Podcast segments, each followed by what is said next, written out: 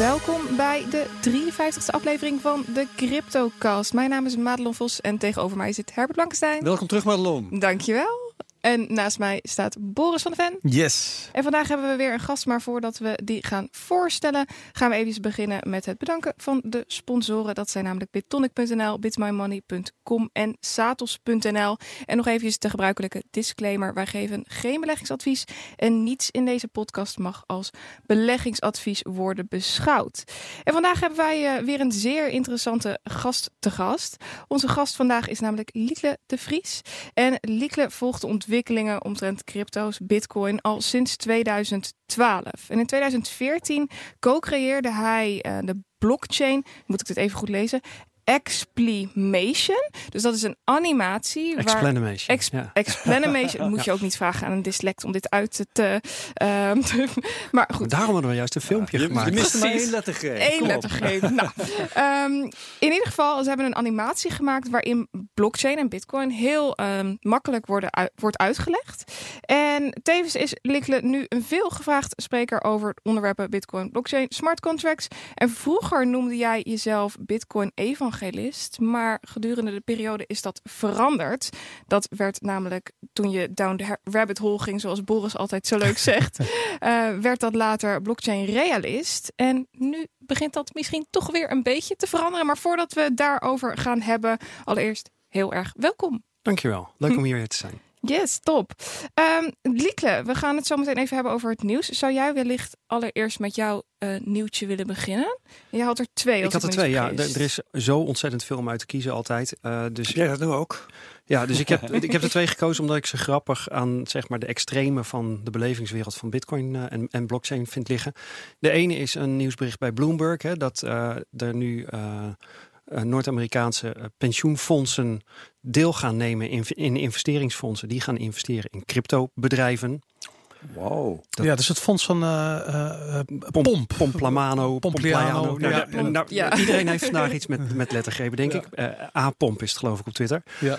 Um, wat dat laat zien is dat de hele traditionele gevestigde orde... die gewoon alleen maar te zorgen heeft voor dat het geld veilig is, pensioenfondsen, nu toch kennelijk zo ver zijn dat ze geld durven te gaan steken in dingen die te maken hebben met crypto.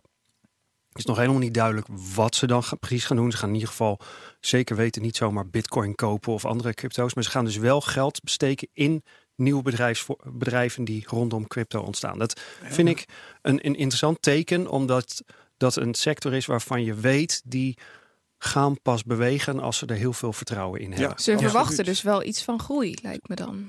Uiteindelijk wel, ja. vermoed ik. Maar de deals zijn nog niet helemaal. De details van de deals worden ja. zijn Ook nog niet niet helemaal duidelijk. Percentage van 40 miljoen zou het om gaan. En de Ja, totale uh, pensioensector in Amerika is 28 uh, triljoen dollars. Ja, dus het is, een, Dus het is het, is, het is nog niet eens een, druppel op een gloeiende een, plaat. pinkje, een pinkje in het water. Dat in het wisselgeld wat ze hadden liggen. Maar het is, het is wel een eerste begin. Uh, Ja. Dat een partij, uh, een pensioenpartij het har- hardop durft te Ja. zeggen, is natuurlijk al hartstikke mooi. Dus dat is traditionele oude wereld die, uh, uh, die dan toch misschien wel in beweging zou kunnen komen op zo'n mooi nieuw onderwerp. En het andere nieuws was een klein berichtje dat uh, ergens in de afgelopen dagen iemand voor het eerst via ham radio, hè, wat we in Nederland uh, radioamateurs noemen, een bitcoin transactie verstuurd heeft. Dus Hey. helemaal buiten het internet om.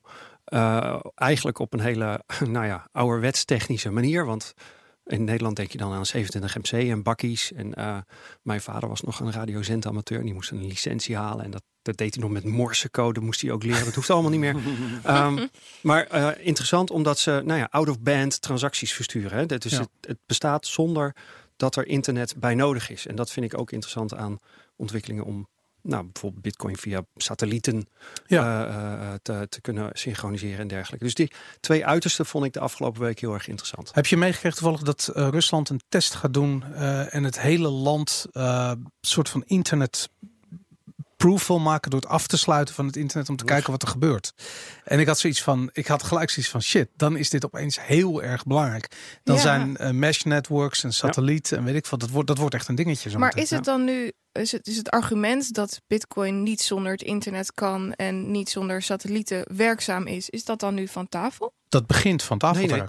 Uh, nee, nee, je moet het andersom zien. Uh, uh, in de wereld van Bitcoin misschien ook wel bij andere cryptocurrencies, maar bij Bitcoin weet ik het zeker, want ik heb die mensen persoonlijk gesproken, is bij heel veel developers de, uh, de mindset, we zijn iets aan het bouwen wat het 100 jaar moet gaan doen. Mhm.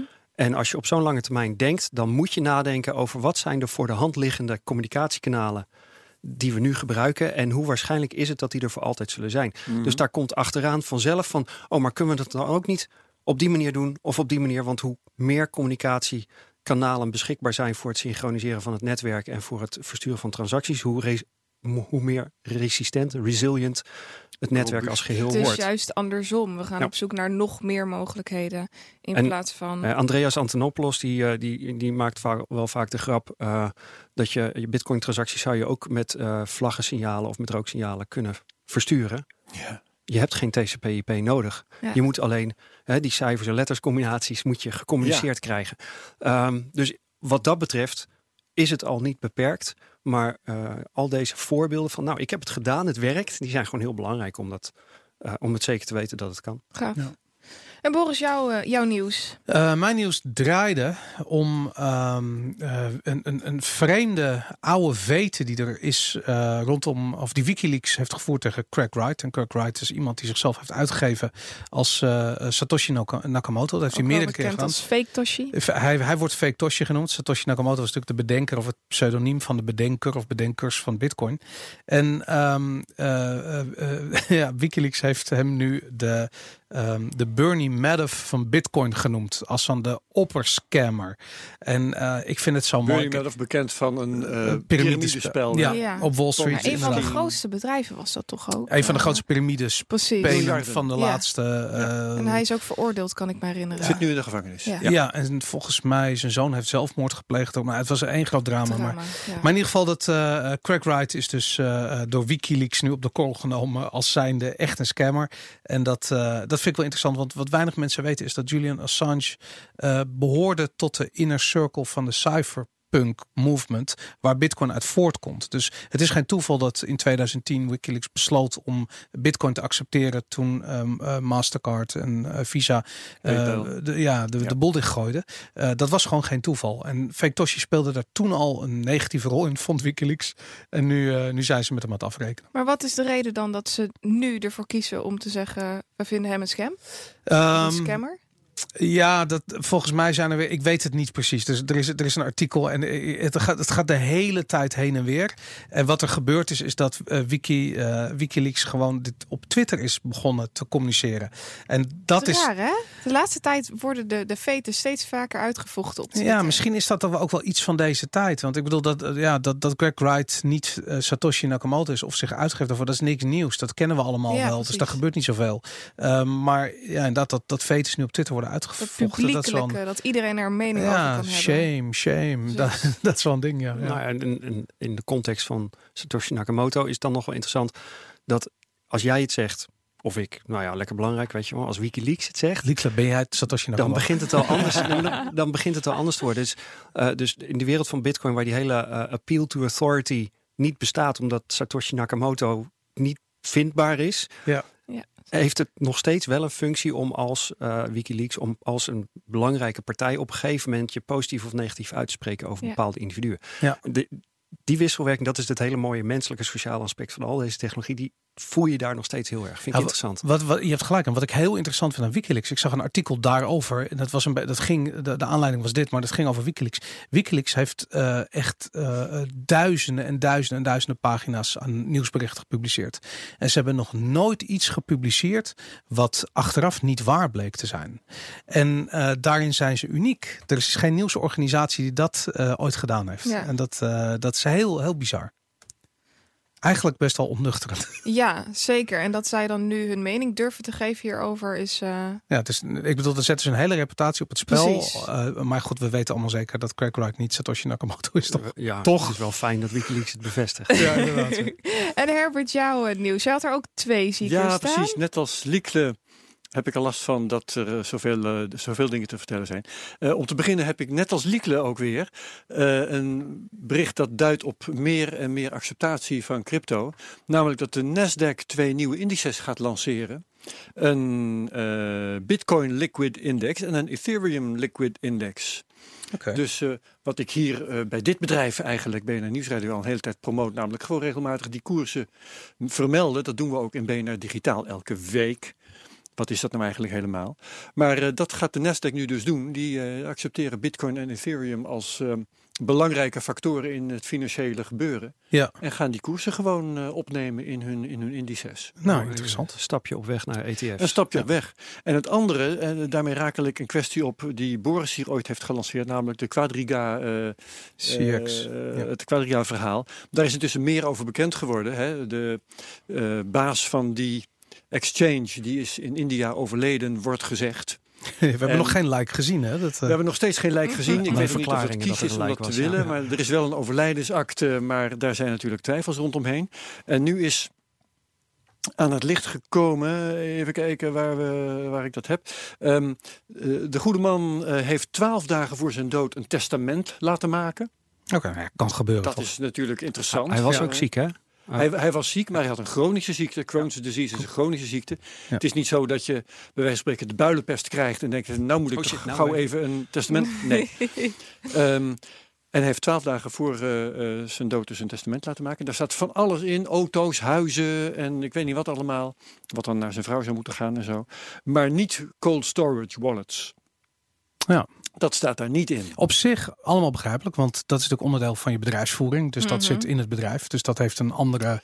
eh, eh, dat is geen persoonlijke nalatenschap natuurlijk. Dan nog, als je met dit soort dingen bezig bent, Ja, twaalf dagen voordat je komt te overlijden, is het wel heel raar dat je met eh, soortgelijke dingen voor je bedrijf niet bezig bent. nou, ik kan me wel voorstellen dat als je bijvoorbeeld voor het eerst naar India gaat, dat je zoiets hebt van, nou, weet je wat, laat ik me het testament in de oporde maken.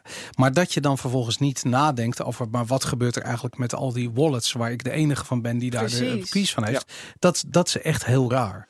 Overigens is er eh, eh, vorige week of, of, of, of een paar dagen terug nog een bedrag van 400.000 Canadese dollars Dat is onderdeel van het verhaal. overgemaakt naar eh, die cold wallet. Dus ze Ja. blijven er maar geld in storten. Dus terwijl niemand erbij kan, ja. dat, maar hoe, geld hoe is gaat het gezegd ook, ook alweer?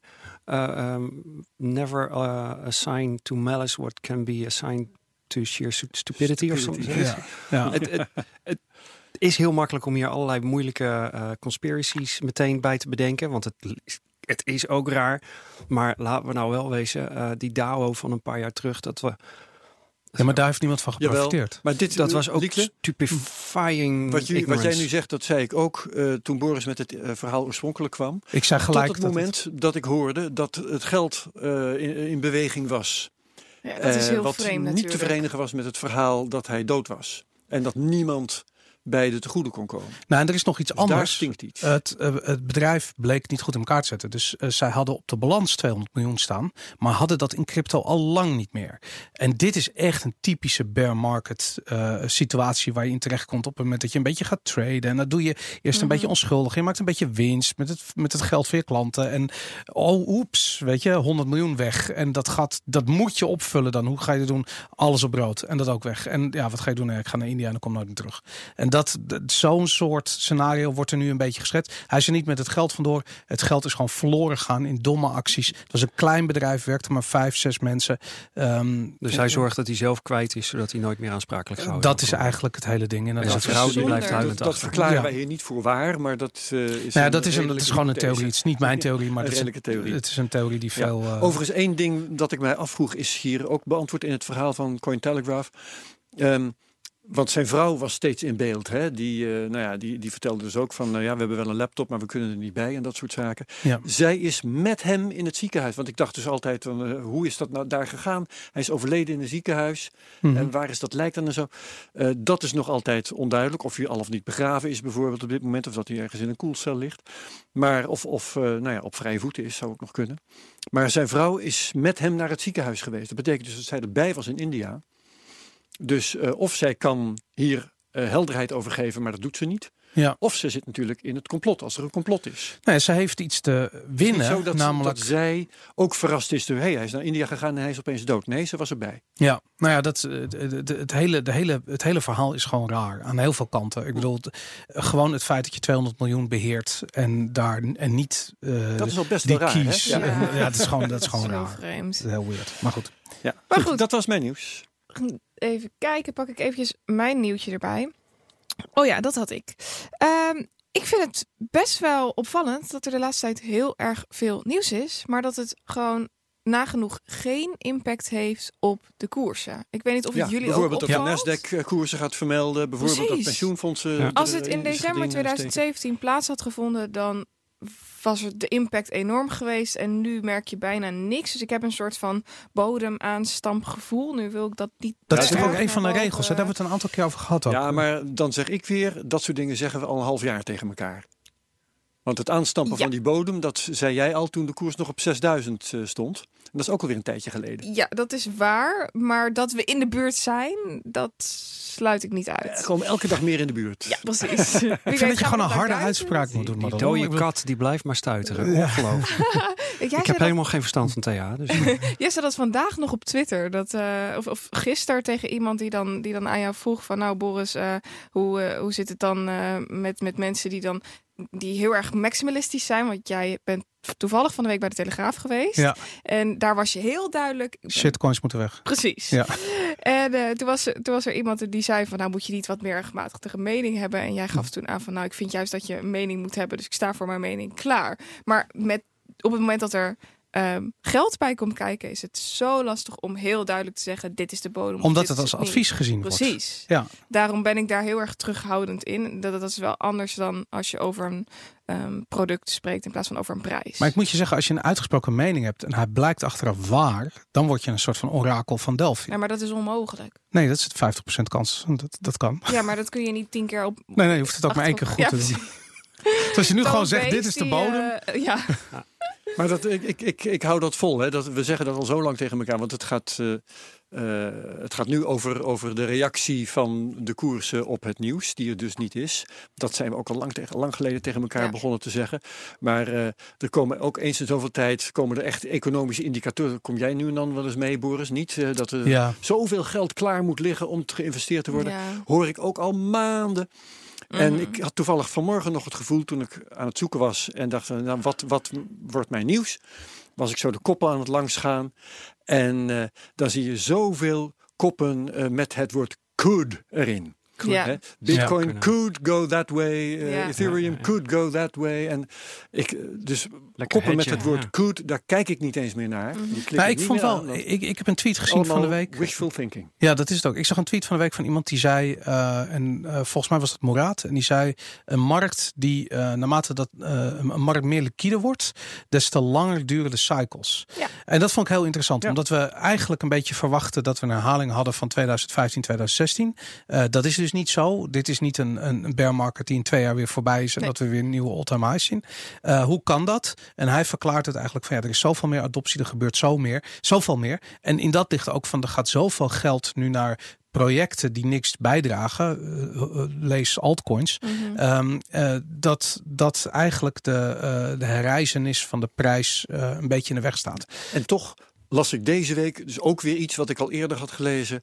eh, namelijk dat eh, eh, het koerspatroon van met name bitcoin op dit moment griezelig veel, zo, zo, die bewoordingen kwam ik tegen, griezelig veel lijkt op de koersbewegingen in 2015. Ja. Toen de bodem was bereikt. Ja. Weet je wel? Iedereen wil maar die bodem zien. Ja. Daar gaan we het zo nog eventjes Daar gaan verder we het zo over nog hebben. even over hebben. Prima. Ehm, ik had nog één ander dingetje. Want ik was dus afgelopen twee weken in Barbados. En dat is een klein eiland in de Caribbean.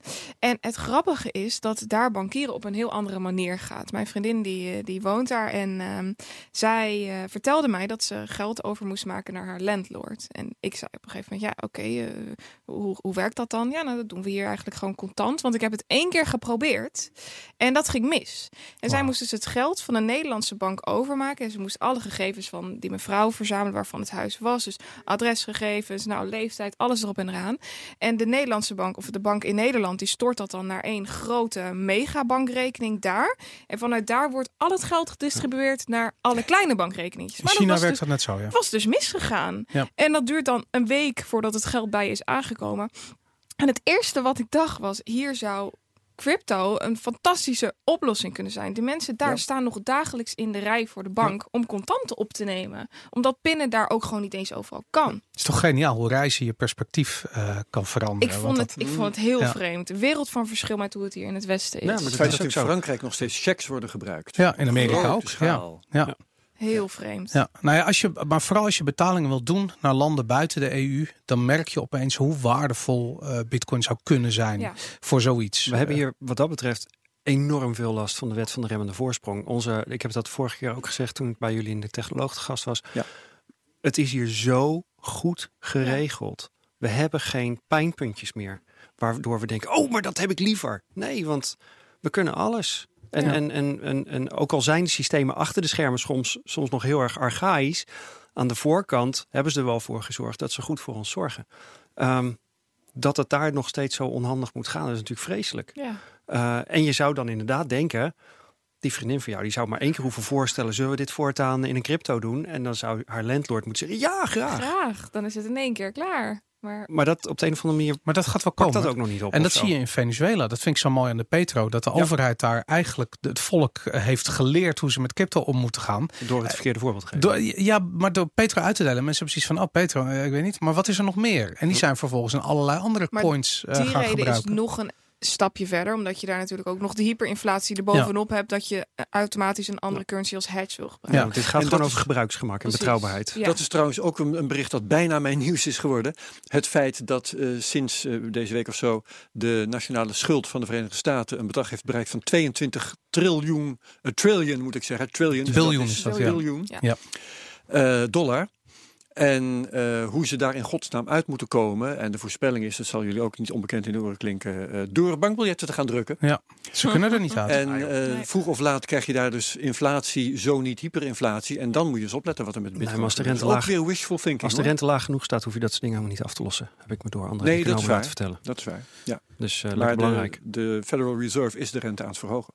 Ja, maar je krijgt dan wordt het wel een probleem. Je, ja. je krijgt ontzettend veel inflatie. inflatie is het grote probleem. En iedereen zegt verder is geen inflatie. Er is maar 2% of 1 punt. Ja, maar dat hangt er 73. vanaf hoe je dat inflatiemandje berekent. Daarom. Op het moment dat je niet kijkt naar wat het kost om een huis, eh, om, om een huis te financieren, maar als je kijkt naar de huizenprijzen, Ja. dan zou het inflatiemandje veel, eh veel Maar weet je, rare dingen in de economie komen altijd onverwacht. En je zult er, eh, moet je eens voorstellen, over drie jaar dat we terugkijken naar nu.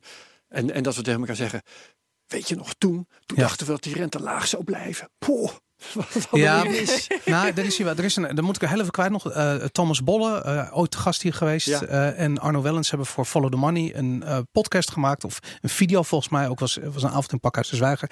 Waarin ze uitleggen wat er gebeurt. En het, er wordt zoveel geld bijgedrukt. En het is voor banken alleen maar aantrekkelijk om dat geld in aandelen of in onroerend goed te steken. Want daar hoeven ze minder, hoe, is hun dekkingsgraad lager. Dus hoeven ze minder zelf in, in, in huis te houden.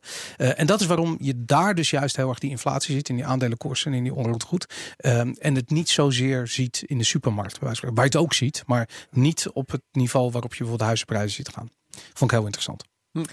Dan gaan we nu door naar de prijsanalyse. En ik pak mijn grafiek er eventjes bij. En ehm, ik maak me een beetje zorgen. Want ik zei dus net, ik heb het gevoel dat we de bodem eh, aan het bereiken zijn als we kijken naar het nieuws. Maar ik heb hier een prachtig patroon voor mij wat zich aan het vormen is tot ongeveer de 25ste van maart. En dat is een driehoekformatie. En dit noemen ze ook wel een bearish pennant. Alright. En als die neerwaarts uitbreekt, dan hebben we een enorm laag koersdoel. Dit is op de daggrafiek. En ehm, de patronen die zich vormen op de daggrafiek zijn behoorlijk ehm, ja, plausibel dat deze uitkomen. En de kans dat deze neerwaarts uitbreekt zal 67% zijn. Als ik kijk naar wiskundige principes dat het eh, zo vaak in de geschiedenis plaatsgevonden heeft, dan zou dit nu Ja. ook weer kunnen. En daarom hou ik behoorlijk ehm, rekening daarmee. Ik heb nu even kijken een eh, st- even kijken, een weerstandslijn rond de 3750 en een steunlijn rond de 3430. En dan heb ik nog één horizontale lijn, dat is 3500. Als we daar doorheen gaan, moeten we even kijken wat er, eh, wat er dan gebeurt. Maar vooral die onderste steunlijn, dat Ja. zou eh, de boosdoener Dit soort dingen zei je ook eh, in het najaar. En toen zei je in november gaat er wat gebeuren. En toen Mhm. kreeg je gelijk. Eh, Ja. Toen was het ook iets wat 67% Ja. eh, kans had 64 naar beneden uit te breken. Dus toen inderdaad gebeurd. Ja, En, ik, maar ik dan- hoop niet dat dit gebeurt, maar het is een kans. Maar hoe ver breekt hij dan naar beneden uit? Zou dan je- zouden zou we rond de denken? 1000 dollar zitten. Duizend, zo. Ja. Dat, maar dat is een uiterst koersdoel. Hè? Dus dat zou dan, eh, eh, ik bedoel, hij kan ook naar 1500 en daar weer terug eh, naar boven. Maar dat, Ja. is, dat is vaker vertoond. Want eh, ik eh, roep altijd het eh, dal na een piek is meestal in de, erg in de buurt van de vorige piek. Dat was rond de En dat krijg je dan. 1200, als Ja, ik me niet precies. vergis. Ja. Nou, het lachen. Dus eh, Ook een interessant model om in de gaten te houden. Ja. Ja, wat leuk. Hoe, how low can you go? dan gaan we nu naar het beleggingsspel. Of althans, beleggingsspel. We gaan nog even kijken naar eh, hoe Herbert er nu Precies, voor want het beleggingsspel is eh, voorlopig afgeschaft. Ja.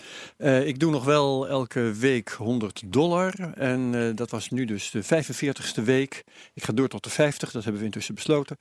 Ehm, ik heb gekocht op 3627 dollar. Ehm, ik heb dus 4500 ingelegd. De waarde is 2878. Daarmee zit ik op min 36% Dat was de afgelopen weken een hoger percentage. Dus ja, we, de, de bitcoin is eh, 6% hoger vergeleken met vorige week. Dus daar komt dat door. En ten opzichte van het scenario alles in één keer eh, lig ik intussen zelfs al vij- 488 dollar voor. Ongelooflijk. Dat zijn ongeveer de cijfers. Wat zeg je? Hoeveel procent is dat? 10%. Ehm 488 op de 4500, Ja. dus dat is ruim 10%. Zo, fors. Ja. Dan zijn we nu aangekomen bij onze gast Liesle. En wij vragen onze gasten altijd als eerste hoe je met crypto in aanraking gekomen bent en wanneer dat was. Ja. Ehm, en ik moet het nog steeds een keer echt goed uitzoeken. Maar ik, eh, ik hang al sinds 2007 op Twitter. Ehm, en omdat ik er zo vroeg bij was, volg ik daar kennelijk ook allerlei andere nieuwsgierige mensen. Dus ik denk dat ik in die context voor het eerst iets over Bitcoin gezien heb. Het moment dat bij- bij mij het, het knopje op aanging, was toen Matt Mullenweg van WordPress.com eh, een blogpost schreef van vanaf nu kun je bij WordPress ook betalen met Bitcoin. En dat was voor mij een signaal van, hé, hey, oké, dit is een serieuze En commerciële partij. Welk jaar was dat? Dat was volgens mij eind 2011. Eind 2000. Ondertussen kan het al niet meer, of kan het misschien alweer wel, maar het heeft niet eindeloos geduurd. Maar in ieder geval, dat was het moment dat ik dacht, hé, hey, een gewoon eh, regulier bedrijf dat eh, dit wil aannemen, dat betekent dat er iets meer aan de hand En dat is. was met een bitcoin onder de 100 dollar, denk ik. Eh, ja, want Cyprus moest nog gebeuren en al die andere dingen. Dus eh dat was allemaal. En toen was ik in eerste instantie. eh, snapte ik er natuurlijk helemaal niks van. Net zoals iedereen die, eh, die niet al die eh, wetenschappelijke studies achter, afgerond heeft. Ehm, was ook nog druk met allerlei andere dingen. Maar ik kreeg al wel meteen het idee van wacht eens eventjes. Als dit eh, werkt zoals ik in, uit die whitepaper begrijp, dan is dit weer een mooi voorbeeld van een technologie die mogelijk heel erg emanciperend zou kunnen gaan werken. Die eh, eh, ons in staat stelt om allerlei dingen veel meer vanuit onszelf te organiseren in plaats van afhankelijk te zijn van allerlei anderen. En ik ben heus niet zo'n ontzettende anarchist of libertariër, maar ik Mhm. zie wel op allerlei plekken in deze samenleving en in de wereld voorbeelden van waar wat je als mens zelf graag zou willen, zelfs met de beste bedoelingen, soms gehinderd wordt door, ja, zo doen we dat hier niet, of eh, er zijn regeltjes voor en die zitten daar in de weg. En toen dacht ik, nou, daar past het bij. Ik was van het begin af aan ook erg enthousiast over internet überhaupt, over social media. Ehm, nou, gooi alle traditionele beperkingen maar de deur uit. En eh, dat heeft me toen eh, alert gemaakt. Ja. Helaas had ik toen geen portemonnee om eh, iets uit eh, te betalen. Ehm, en in 2013, ik maak in Groningen ook al jarenlang een podcast, hebben we Rutger van Zuidam geïnterviewd, want die was ook toen al er heel erg actief mee bezig. Ik zeg 2013, volgens mij klopt dat. En vanaf dat moment ben ik ook zelf voorzichtig gaan spelen met de software. Een keer een client installeren, noten draaien, kleine hoeveelheden kwijtraken. Nee, ik heb, ik heb uiteindelijk nog wel eh, Litecoin gemined, geloof ik. En ik heb zelf Stellar nog wel eens ooit een keer gemined. Nou zeg. Ja, je moet toch wat proberen. Ja. Eh, en ik had, een, eh, ik had een Apple Airbook, dus ik kon ook bijna niks. Ik ben ook helemaal geen developer. Dus ik, er, was maar, er was maar zoveel wat op mijn machientje wou draaien. Ehm, En wat vond je dan het, het meest interessant van alles wat je geprobeerd hebt, gezien hebt tijdens die reis ehm, richting nu? Eh, het, het, is, het doet echt iets met je hoofd. Op het moment dat je doorkrijgt van wacht eens eventjes. Ik hoef hier voor niemand toestemming van te krijgen, voor te krijgen. Eh, en die- vriendin van jou op, eh, op Barbados, die kan dit gewoon nu met haar landlord afspreken. En dat is prima. Dan, hoeft, er gaat niemand boos over worden. Tenzij je een overheid hebt die op een gegeven moment zegt, ja, criminaliteit en eh, Ja. Ja. Ik wou zeggen, weet ik afgezien van die ene drempel die eh, eigenlijk alleen maar hoger wordt. Namelijk, eh, hoe kom je aan die bitcoin? ja, Hè, die nou, moet je gaan kopen fair bij enough. een uh, wisselkantoor of whatever. Daar En proberen ze dan inderdaad wel moeilijk te doen. dan Maar moet je je paspoort omhoog houden en allemaal van dat soort dingen. Vingerafdruk. Het, ehm, Ja. het was gewoon, ja, en dat is waar ik de hele tijd merk ik, als ik erop terugkijk, enthousiast over word. Oké, je kunt je eigen agency uh, uh, vergroten. Je krijgt weer meer tools, je krijgt weer meer mogelijkheden om zelf te bepalen hoe het in jouw wereld werkt. Mhm. Um, en uh, nogmaals, ik ben heus geen, geen libertariër of anarchist die zegt het is alleen maar op mijn manier en jullie moeten maar lekker voor jezelf zorgen. Ik zie dat juist als uh, een gereedschap om beter samen in communities van wat voor aard dan ook uh, jezelf georganiseerd te krijgen. En wat wel heel grappig is, is dat ik dat toen dus al wel een beetje voelde, maar dat dat eigenlijk afgelopen jaar pas echt woorden heeft gekregen met termen als digitale commons. En uh, wat nou als dit een infrastructuur zou worden waarbovenop we allerlei dingen kunnen gaan regelen die we vroeger nutsvoorzieningen noemden. Wat bedoel je dan met dit? Als we bovenop dit? Dit, uh, de infrastructuurlaag zoals Bitcoin die bijvoorbeeld biedt. Ja, okay. het Bitcoin-netwerk. Ja. En dan zou je dus in, vanuit dat perspectief Bitcoin als basis zien, waar bovenop allerlei applicaties gebouwd kunnen worden. Ja. En dan is dit het moment om meteen nog even uit te leggen hoe ik van Bitcoin-evangelist naar blockchain-realist ging, denk ja. ik. Uh, want in 2011, toen ik dit voor het eerst tegenkwam, toen was er nog niet echt wat anders. Toen hadden we de term blockchain ook nog niet op die manier eruit getild. Dus logischerwijs was ik een Bitcoin-evangelist, net zoals ik uh, in 2005, 2006 een, een social media-evangelist werd. Omdat mm -hmm. ik dacht, oh wauw, dit is gaaf en dit moet ik mensen over gaan vertellen. Um, en toen kwam er zo'n periode dat er allerlei redenen naar boven kwamen waarom mensen het liever niet over Bitcoin hadden. Omdat het zogenaamd dan alleen met criminaliteit te maken had. Of omdat mensen dachten, ja, ik vind Bitcoin uh, als mechanisme wel interessant, maar ik wil me eigenlijk, uh, ik wil dat, dat geldaspect vind ik niet interessant. Ja. Of wat dan ook. Of de volatiliteit. Al die ja. verschillende ja. redenen. Toen zeiden bedrijven en banken, zeiden, nou we willen het graag over blockchain hebben. Kijk maar naar de geschiedenis van de Dutch Bitcoin Conference van Rutger. Dat die weet ook vanzelf een blockchain, blockchain conference. conference. En nu is het uh, de, de hackathon gaat over uh, uh, de toekomst van nou, hoe we de wereld organiseren. Ja, hele algemene termen nou. Um, dus um, vorig jaar januari. Ja, 2018 zijn Ronald en ik ons blockchain realisten gaan noemen. En dat was de reactie op... Ronald is jouw compagnon. Ronald Mulder, ja. nog niet genoemd, ja. Um, dat was de reactie omdat op, dat we in 2017 zo ontzaglijk veel mensen echt de grootste onzin zagen vertellen over wat dan blockchain zou zijn en wat het zou kunnen. Wat vond jij voornamelijk onzin waarvan je dacht, nou... Nou, ik, ik ben iemand die graag uh, um, hoopvol en ook enigszins utopisch denkt en Ja. kijkt naar de toekomst. Maar um, rond die tijd had ik ook al wel door dat het soort probleem wat opgelost wordt met wat we nu dan blockchain noemen, heel specifiek nauw gedefinieerd probleem is. En deze mensen dachten, oh, maar als dit kan, nou dan gooien we het daar tegenaan, dan wordt het daar ook allemaal beter. Er is echt heel veel wishful thinking um, waar gewoon helemaal geen grond voor was. En toen dacht ik, nou dan is het nu tijd om dat woord bitcoin even los te laten. Want daar zit toch nog steeds een soort van reflex op bij allerlei gevestigde partijen. Van ja, Ja. nou, nou, dat was toch iets met illegaal of zo? Of Iets Vind je dat er nog steeds te zo is? Nee, nee, ondertussen niet meer. Daar Nee. kom ik straks op. Oké. Ehm, en eh, die term blockchain die wil iedereen graag horen. Dus als wij die dan gaan gebruiken, dan kunnen we onszelf hopelijk wat zichtbaarder maken. Maar dan worden wij de realisten. Dan worden wij degene die zeggen: het is fascinerende technologie waarmee je hele bijzondere dingen kunt doen. Maar je moet je heel goed afvragen welke uitdagingen je ermee wilt adresseren. Want heel vaak denken mensen dan van: oh, dan kunnen we dat er ook mee doen. Maar dat hebben ze dan gewoon echt verzonnen. Er is geen goede reden voor. Dus dat, dat is het realisme. In 2017 was het zo dat bedrijven kwamen met een probleem en dat ze zeiden blockchain is de oplossing.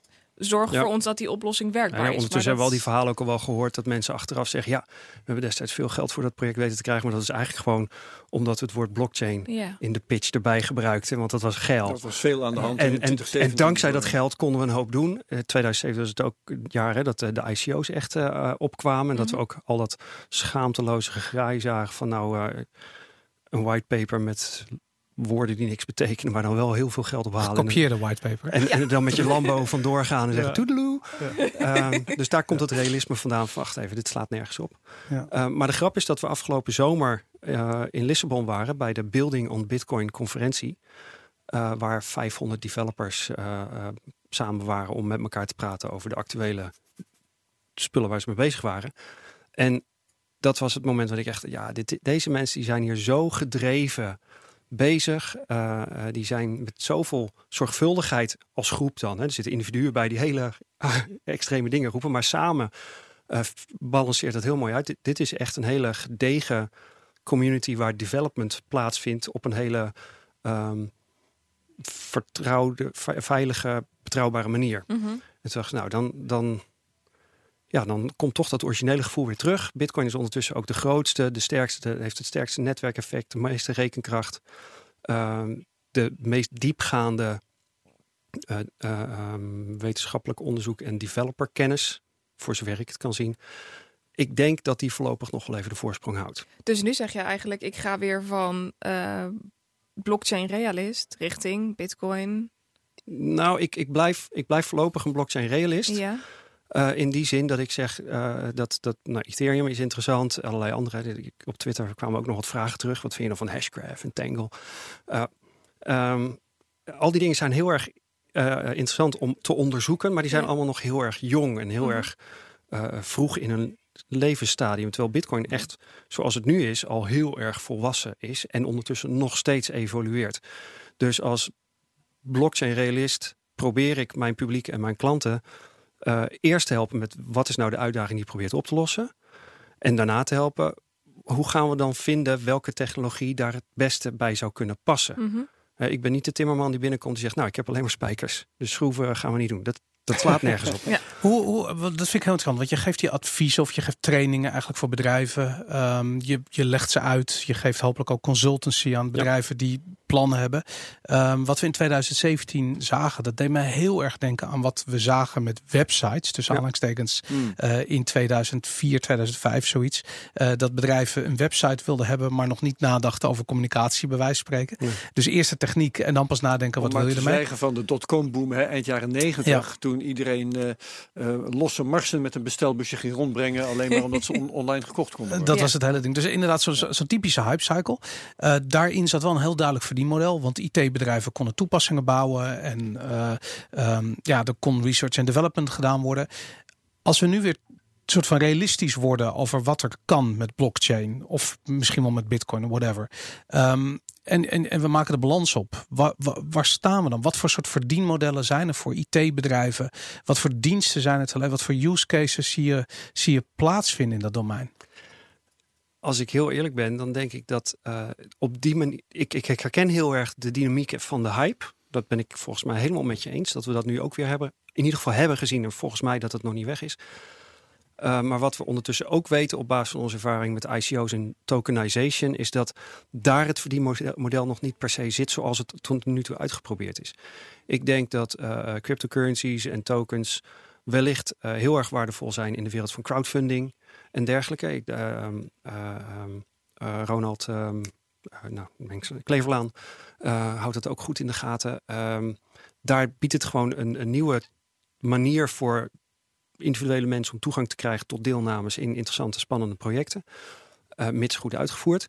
Maar je kunt niet op dezelfde manier een token lanceren en, en de nieuwe Google worden. Dat, want een echte kwalitatief goede cryptocurrency moet, denk ik, afdoende gedecentraliseerd zijn. En kan dus niet eigendom zijn van één bedrijf. Maar dat is een vicieuze cirkel af. Toen, toen ik me dat realiseerde, was ik klaar met blockchain. Ja. En dat heeft nog lang geduurd, moet ik eerlijk zeggen. Maar dat... Behalve als je Ja. blockchain ziet als een protocol. Precies. En dat is hier natuurlijk ook al wel vaker besproken. Ja. Um, als, als je blockchain ziet als een protocol om waardetransacties te faciliteren, om voor een grote groep mensen die verder geen andere reden hebben om elkaar te vertrouwen, toch samen iets te kunnen doen, Ja. dan wordt het een waardevol ding. En bovenop dat protocol zouden, ding, zouden diensten kunnen ontstaan die, uh, uh, die wel weer op een traditionele manier uh, waardevol kunnen zijn. Dat zien we op dit moment met, met exchanges en dergelijke. De meest voor de hand liggende entry- en exit points. Daar wordt nu het geld verdiend.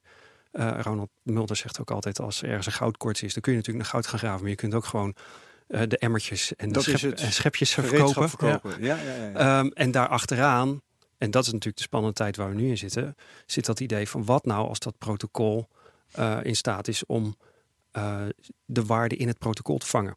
Maar is, is blockchain dan het protocol of is bijvoorbeeld bitcoin het protocol? Ik bedoel, als je het vergelijkt met internet. Hè? Ik bedoel, TCP/IP is het protocol waarop eigenlijk alle internetarchitectuur is gebouwd. Um, er, ja, ja, dat ga je ook niet iedere keer dat je een applicatie wil ontwikkelen opnieuw uitvinden. Je neemt wat het grootste is, wat het beste werkt en wat iedereen heeft. En dat netwerkeffect wat je zag bij TCP/IP. Ik geloof dat er helemaal in de begindagen had je nog alternatieven zoals Gopher Jazeker, en zo. En dat, dat, dat was, was best leuk, maar het, het is het niet geworden. De- En ik heb er Was nooit meer aan Gopher niet ook een dienst op TCP/IP? Nee, volgens mij was het een apart protocol. Hmm. Ik weet het niet meer helemaal. Maar de- het, het is twintig jaar geleden, denk ik. Makkelijk. Uh, het 30, niet hè, dit is eind jaar, jaren 80, begin jaren 90. Ja. ik Ja. heb me laten vertellen dat in die tijd ook technische conferenties waren waar de ene dan voorstander was van TCP en de andere voorstander van een ander protocol. En dat dat ook wel eens tot handgemeen heeft geleid. Oh, ja. Je bent een lul en eh, je hebt ongelijk. Wat er nu op Twitter plaatsvindt. maximalist. Ja. Sla ik jou nu de hersens in. Maar, maar hoe, zie, hoe zie je dat dan? Want als je dan nu naar dat hele omveld kijkt van al die technologische ontwikkelingen, inderdaad, de hashgraphs en dan weet ik het. En de, en, maar ook gewoon Bitcoin en Bitcoin Core. Hoe, hoe zie je die? ehm, eh, hoe, hoe zie je, wat is dan het protocol precies? Nou, als, je, als je de blockchain uit Bitcoin haalt, blijft er niks over. nee. Uh, is maar duidelijk. die oplossing die we blockchain zijn gaan noemen, die is specifiek geëngineerd om Bitcoin te kunnen laten doen waar het voor bedoeld was. Mhm. Waar de transacties die niet gecensureerd kunnen worden. Dus op het moment dat jij ook maar een heel klein beetje een andere use case overweegt, moet je eigenlijk opnieuw beginnen met nadenken en ontwerpen en engineeren van wat gaan we hier nodig hebben. Daarom, dat dat vind, zie ik, je ook dus steeds gebeuren. daarom vind ik al die altcoins en, en al die andere eh, varianten van zogenaamde blockchain technologie wel interessant. Alleen, ze zijn in reactie op de komst van bitcoin ontstaan. Dus ze hebben nog een heel eh, eh, vormend leven te gaan voordat ze volwassen genoeg zijn. Denk Ja. je dat ze überhaupt volwassen worden? Dat hangt er vanaf. Als ze voor een heel specifiek vraagstuk een goede oplossing bieden, natuurlijk. Want eh, we hebben ondertussen ook wel bewezen gekregen dat ehm, de Bitcoin-blockchain eh, voorlopig nog helemaal niet handig is om allerlei zaak, dagelijkse transacties in te doen. Nog niet, maar je ziet nu dat er bij Ether heel veel onrust is. En Ja. Ether is natuurlijk het launching platform voor startups, om het zo maar te zeggen, crypto-gerelateerde startups. En in de toekomst zou Bitcoin dat kunnen worden. Ehm, als het mogelijk wordt om die technologie zo dusdanig te maken dat dat werkt. Nou dan dan zou een, een Ether dus, dus wegvallen. De, de geschiedenis daar is ook wel interessant. Hè? Eh, Vitalik Buterin was natuurlijk destijds ook heel erg een Bitcoin enthousiast. Ja, Totdat hij dacht, ik wil hier meer mee kunnen. Het gaat me niet snel genoeg. Ik ga mijn eigen ding eh, starten. En eh eind het verleden hebben ze ook wel eens gezegd... als een cryptocurrency zijn eigen marketingafdeling heeft... dan is het een scamcoin. Ja.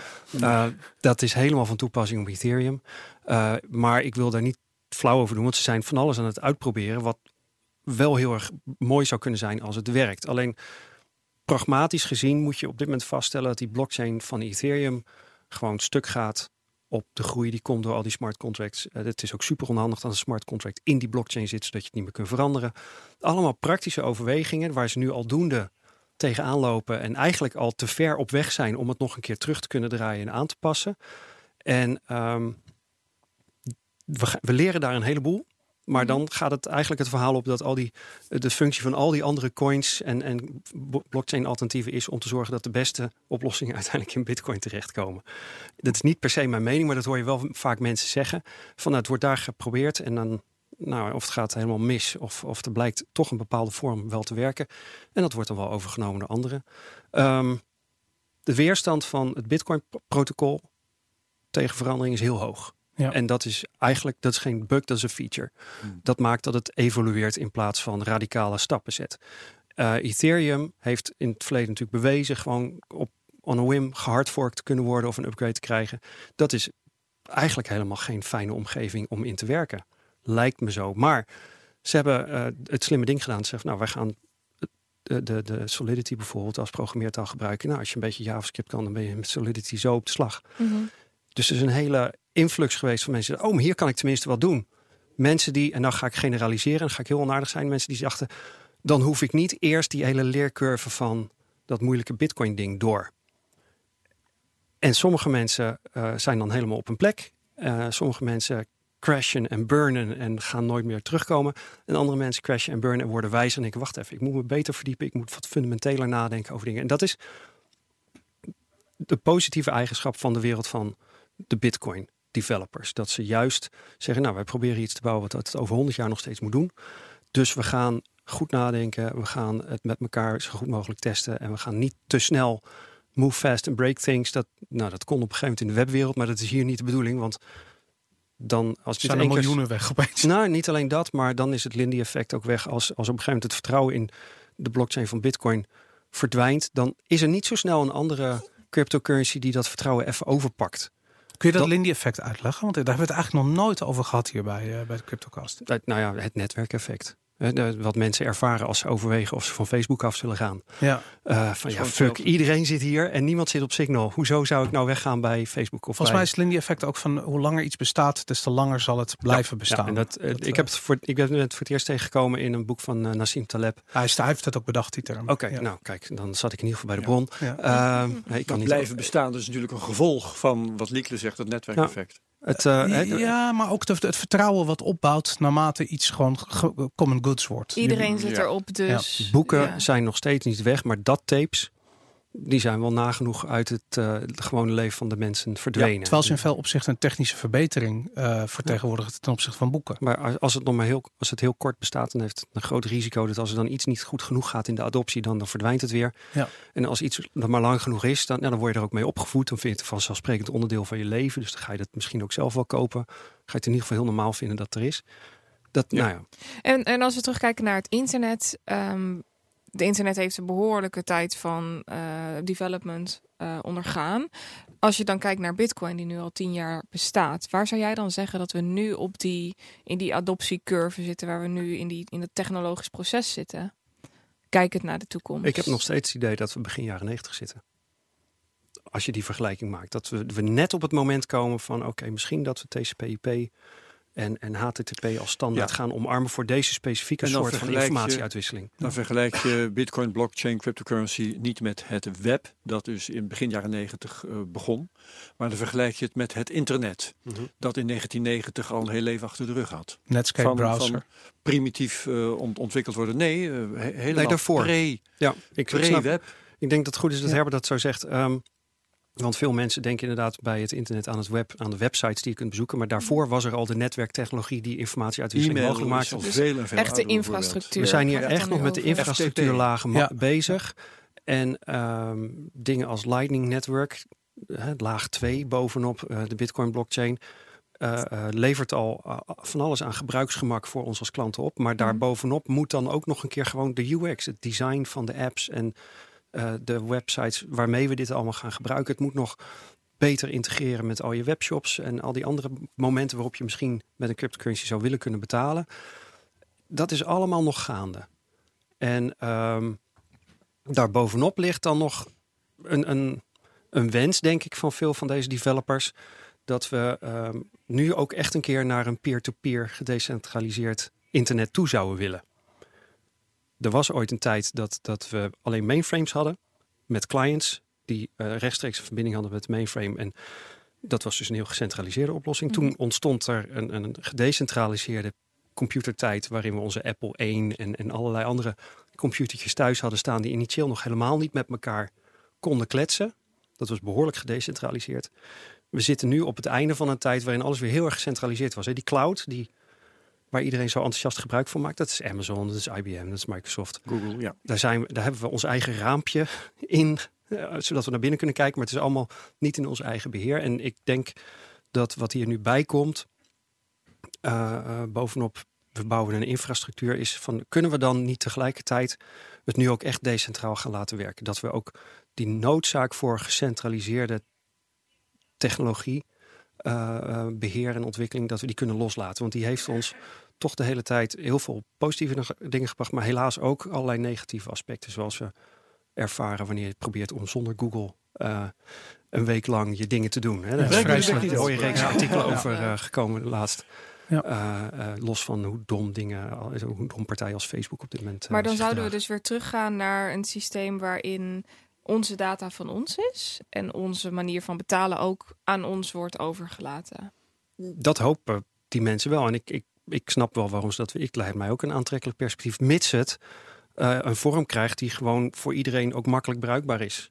Ja. En want eh, wat een van de dingen die ik sinds 2011 vooral heb geleerd, is dat ik helemaal niet snapte hoe het geld werkte. Mhm.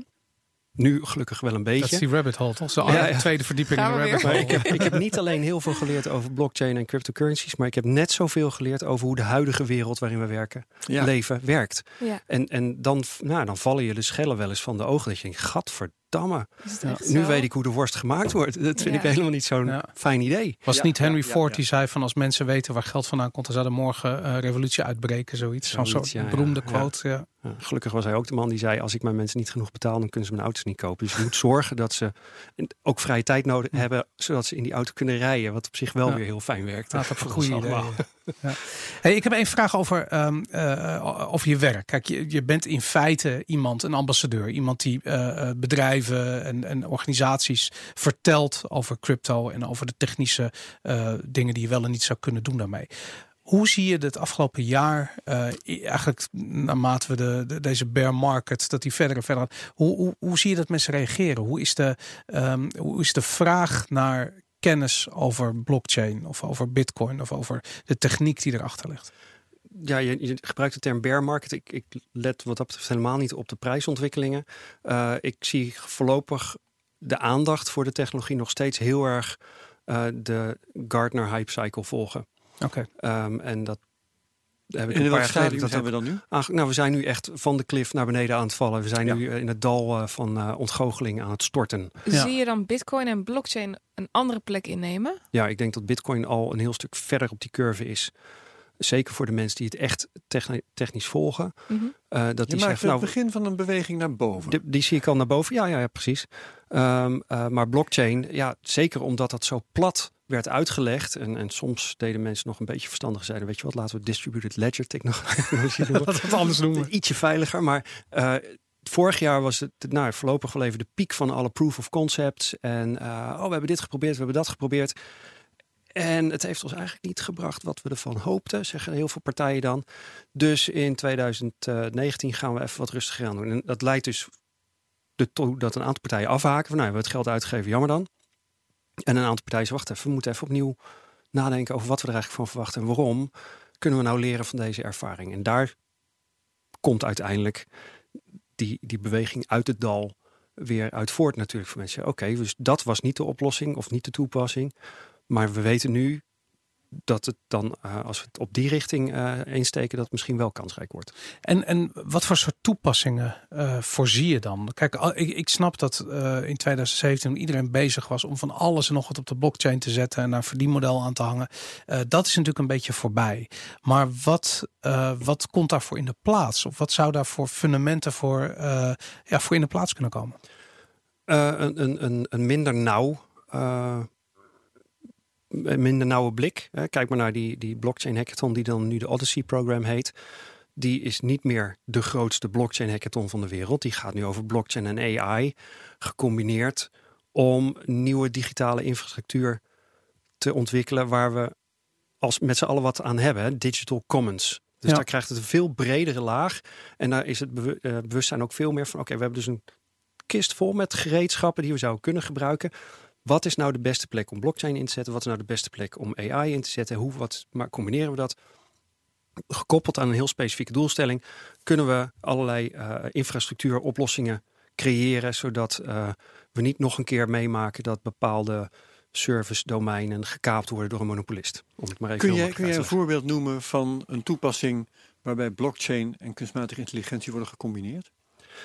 Eh, het voorbeeld wat ik zelf het liefste geef is eh, in die wereld van de logistiek. Hè, daar hebben we heel veel blockchain processen gezien. Ja. Albert Heijn en eh Maersk en weet ik wat. Supply chain. Supply chain, er ligt ook voor de hand om daarover na te denken. Wat gaat daar de hele tijd potentieel mis? Dat je digitale data verzamelt over echte wereld dingen. Dus iemand moet geteld hebben hoeveel zakken er nou daadwerkelijk in de container gezet En werden. Iemand kloppen. moet de kwaliteit van het product ge- ge- visueel geïnspecteerd hebben en dan een vinkje zetten. Ehm, zodra een mens dat doet, ben je gevoelig voor de kwaliteit van die mens, voor zijn maandagochtendhumeur, eh, voor de beïnvloedbaarheid wellicht. Eh, dat lijkt me nou zo'n plek waar je een, een AI kunt trainen om heel consequent, repetitief, betrouwbaar Oracle te spelen. Maar dan zou je dus wel fysieke dingen ook op de blockchain kunnen zetten. Want het- argument is heel lang geweest. Nou, alles wat fysiek is, daar is blockchain gewoon niet voor toepasbaar.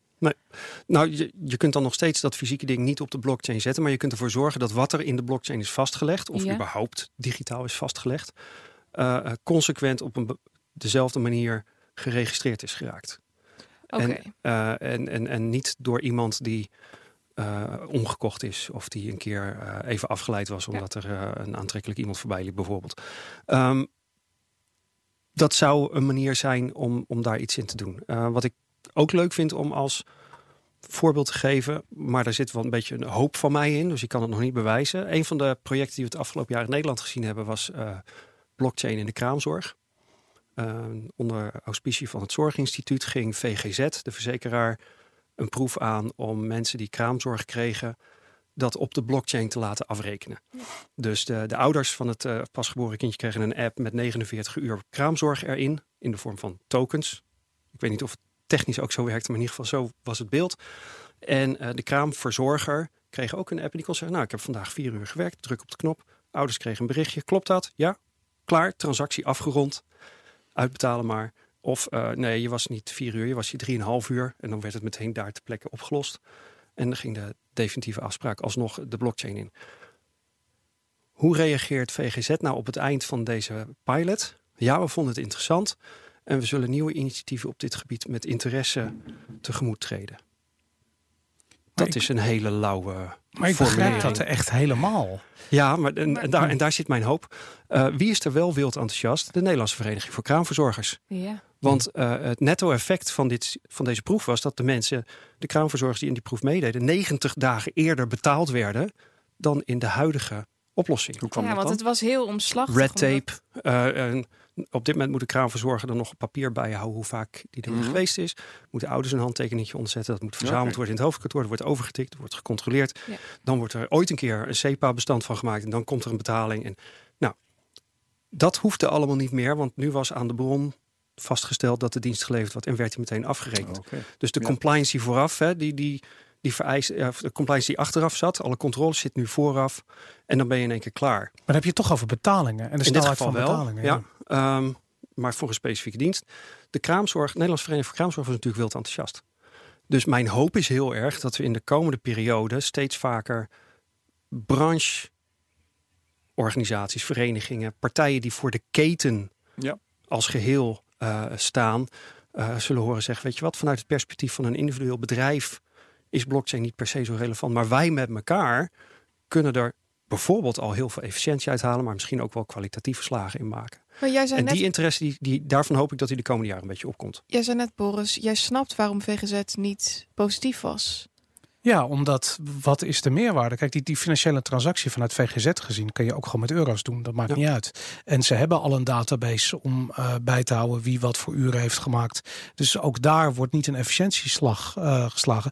En waar, waar zit hem wel? Ik snap het inderdaad. De betalingen via uh, blockchain of wat, wat, wat voor coin je ook gebruikt, die zijn gewoon sneller. Mm -hmm. um, aan de andere kant, als jij je kraamzorg direct betaalt met euro's, is het ook sneller. Alleen nu krijg je na drie weken een keer de rekening thuis en bladibla. Het hele systeem is zo ongelooflijk onefficiënt. Ja. Erop ingericht, eigenlijk op een oude wereld. Dus op het moment als je ja. alles weggooit en je bouwt het opnieuw, ja, dan is dat efficiënter. En mijn beeld is een beetje dat uh, de VGZ het ook benaderde. En het is nou net alsof ze de bad guys zijn. Ik denk ook niet dat ze er niet eens per se wat aan kunnen doen. Maar dit soort grote instanties is ook geneigd dat zij bepalen hoe het werkt. Dat zij de spelregels ja. voor dat spelletje doen. En uh, dit is een mooi voorbeeld waar de branchevereniging kan zeggen: wacht even, wij zijn hier de mensen die het werk doen. Jullie zijn degene die zorgen voor de afrekening.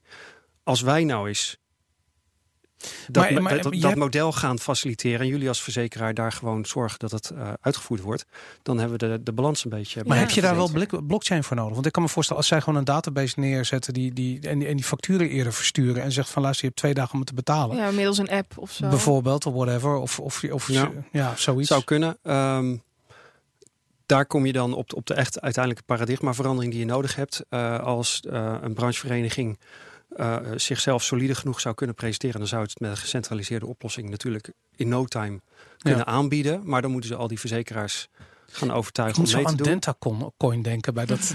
ik vind dat, dat vind ik echt uh, de tandartscoin. Ja. Maar dat lijkt me het probleem van stel je voor dat je als kraamzorg de kraamzorgcoin krijgt en die is zojuist uh, met 98% van zijn waarde kwijtgeraakt. Nee, dat, dat, is niet de bedoeling. Nee, maar je gebruikt in dit geval. Dit is een mooi voorbeeld waar je blockchain gebruikt als, als mechanisme om zekerheid te hebben over is de dienst verleend in ja. de ogen van de klant. Ja. En uh, wat stond er dan er tegenover? Er is noodzaak om een coin aan te koppelen. daar kan een token Maar dan in is zitten, dus- maar dat hoeft eigenlijk helemaal niet. Maar nou moet ik, ik moet mijn argument nog afmaken. Waarom is het interessant wanneer een, een branchevereniging dit zou gaan doen? Omdat de branchevereniging natuurlijk kan zeggen... ja, waarom zouden ze ons er nou mee vertrouwen? Al die verschillende verzekeraars in het land. Wat nou als we het een keer, als we het een transparant open systeem maken? Dus eh, de En dat transparantie. eh, En ja. dat elke verzekeraar gewoon zijn eigen nodes toevoegt aan ons netwerk... en daarmee de kwaliteit en de betrouwbaarheid van het hele systeem nog verder verhoogt. Mhm. Dan zijn we transparant voor iedereen. Wij, Ja. te- Waar wij over gaan is, is zorgen dat onze mensen netjes betaald worden. Dat de verzekeraar eh, kan zien dat er geen fraude plaatsvindt. Nou, die transparantie dat, dat ligt naadloos in mekaars verlengde. Ja. En dan is het wellicht wel een interessant verhaal om daar blockchain in te zetten. Ja. ja, het is grappig dat we als, als individuen hebben we allemaal heel erg privacy nodig. Maar wat we ook nodig hebben is dat de overheid en alle grote organisaties transparant worden. En dat is heel tegenstrijdig op een vreemde manier. Want nu werkt het precies andersom namelijk. Dat we de overheid en grote organisaties niet kunnen zien. Eh, we kunnen transacties niet zien. Alles wordt afgeschermd. En eh, wij als, als burgers zijn volledig transparant in wat we doen Ja. met onze bankrekeningen, Maar transacties. dat ge- gebrek aan transparantie is natuurlijk niet per se in verband met de privacy. En er is, er is transparantie die je kunt bieden zonder dat de privacy Er is een heel goed voorbeeld dat eh, minister Kamp volgens mij van Defensie. En, eh, er is een eh, situatie waarin Nederland een bijdrage heeft geleverd aan een terroristische organisatie in Syrië. En die, eh, die hele gang van zaken is nu eh, geheim verklaard door de overheid. Het kan het daglicht niet verdragen. Het is uitgebreid over geschreven in trouw en dagbladen. Ehm, en dus een overheid kan wel zeggen van dit is mijn privacy, hier blijft iedereen vanaf. Privacy van de overheid. Ja, Ja, dat is wat ik bedoel. Hè? Nou, Dus, ik, ik wil daar wel even van terug, want ik, ik snap wel dat, dat je dit er ook aan ophangt. Maar je Hm. kunt ook wel een argument maken dat eh, transparantie in het proces er ook gewoon voor zorgt dat het systeem als geheel minder mogelijkheden biedt om eh, nou, buiten verhouding te extraheren uit het systeem. mhm. Dus eh, hoe transparanter zo'n systeem is, eh, hoe minder kans dat één partij er veel meer uittrekt dan wat ze eigenlijk toekomt. Tuurlijk. Als ik kwaad wil denken van VGZ, dan denk ik, nou, ze deden vooral het project mee. Want ze dachten, we kunnen nog meer informatie over, over onze klanten verzamelen. En die is vast op een ander moment geld waard. En dat bleek natuurlijk niet het geval. Want juist omdat een blockchain Hm. een transparant ding moet zijn, was het aantal privacygevoelige gegevens wat daarbij eh, tegenaan gehouden was natuurlijk beperkt tot een minimum. Ja. Dan blijft er niks over voor VGZ om op een surveillance capitalist-achtige manier dat nog te gelden te maken. Maar als je terug denkt van wat is nu een functie voor ons in de maatschappij, dus het risico verdelen en zorgen dat iedereen toegang heeft tot eh, goede gezondheidszorg, dan hoeft dat ook niet te kunnen. Ja. Tenzij de overheid ze zo erg de duimschroeven aandraait dat ze wel ergens anders geld moeten verdienen. Ehm, dus daar hebben we met z'n allen wel wat invloed op. En dat heeft wel iets met privacy te maken, maar ik wil er niet meteen een conspiracy. Nou, ik vind het wel een heel goed voorbeeld denken. hoor. En ik vind het ook heel mooi om te zien van ja, dat je, dat je als je het op die manier benadert, dat de transparantie van data een daadwerkelijk toegevoegde eh, waarde biedt in een systeem.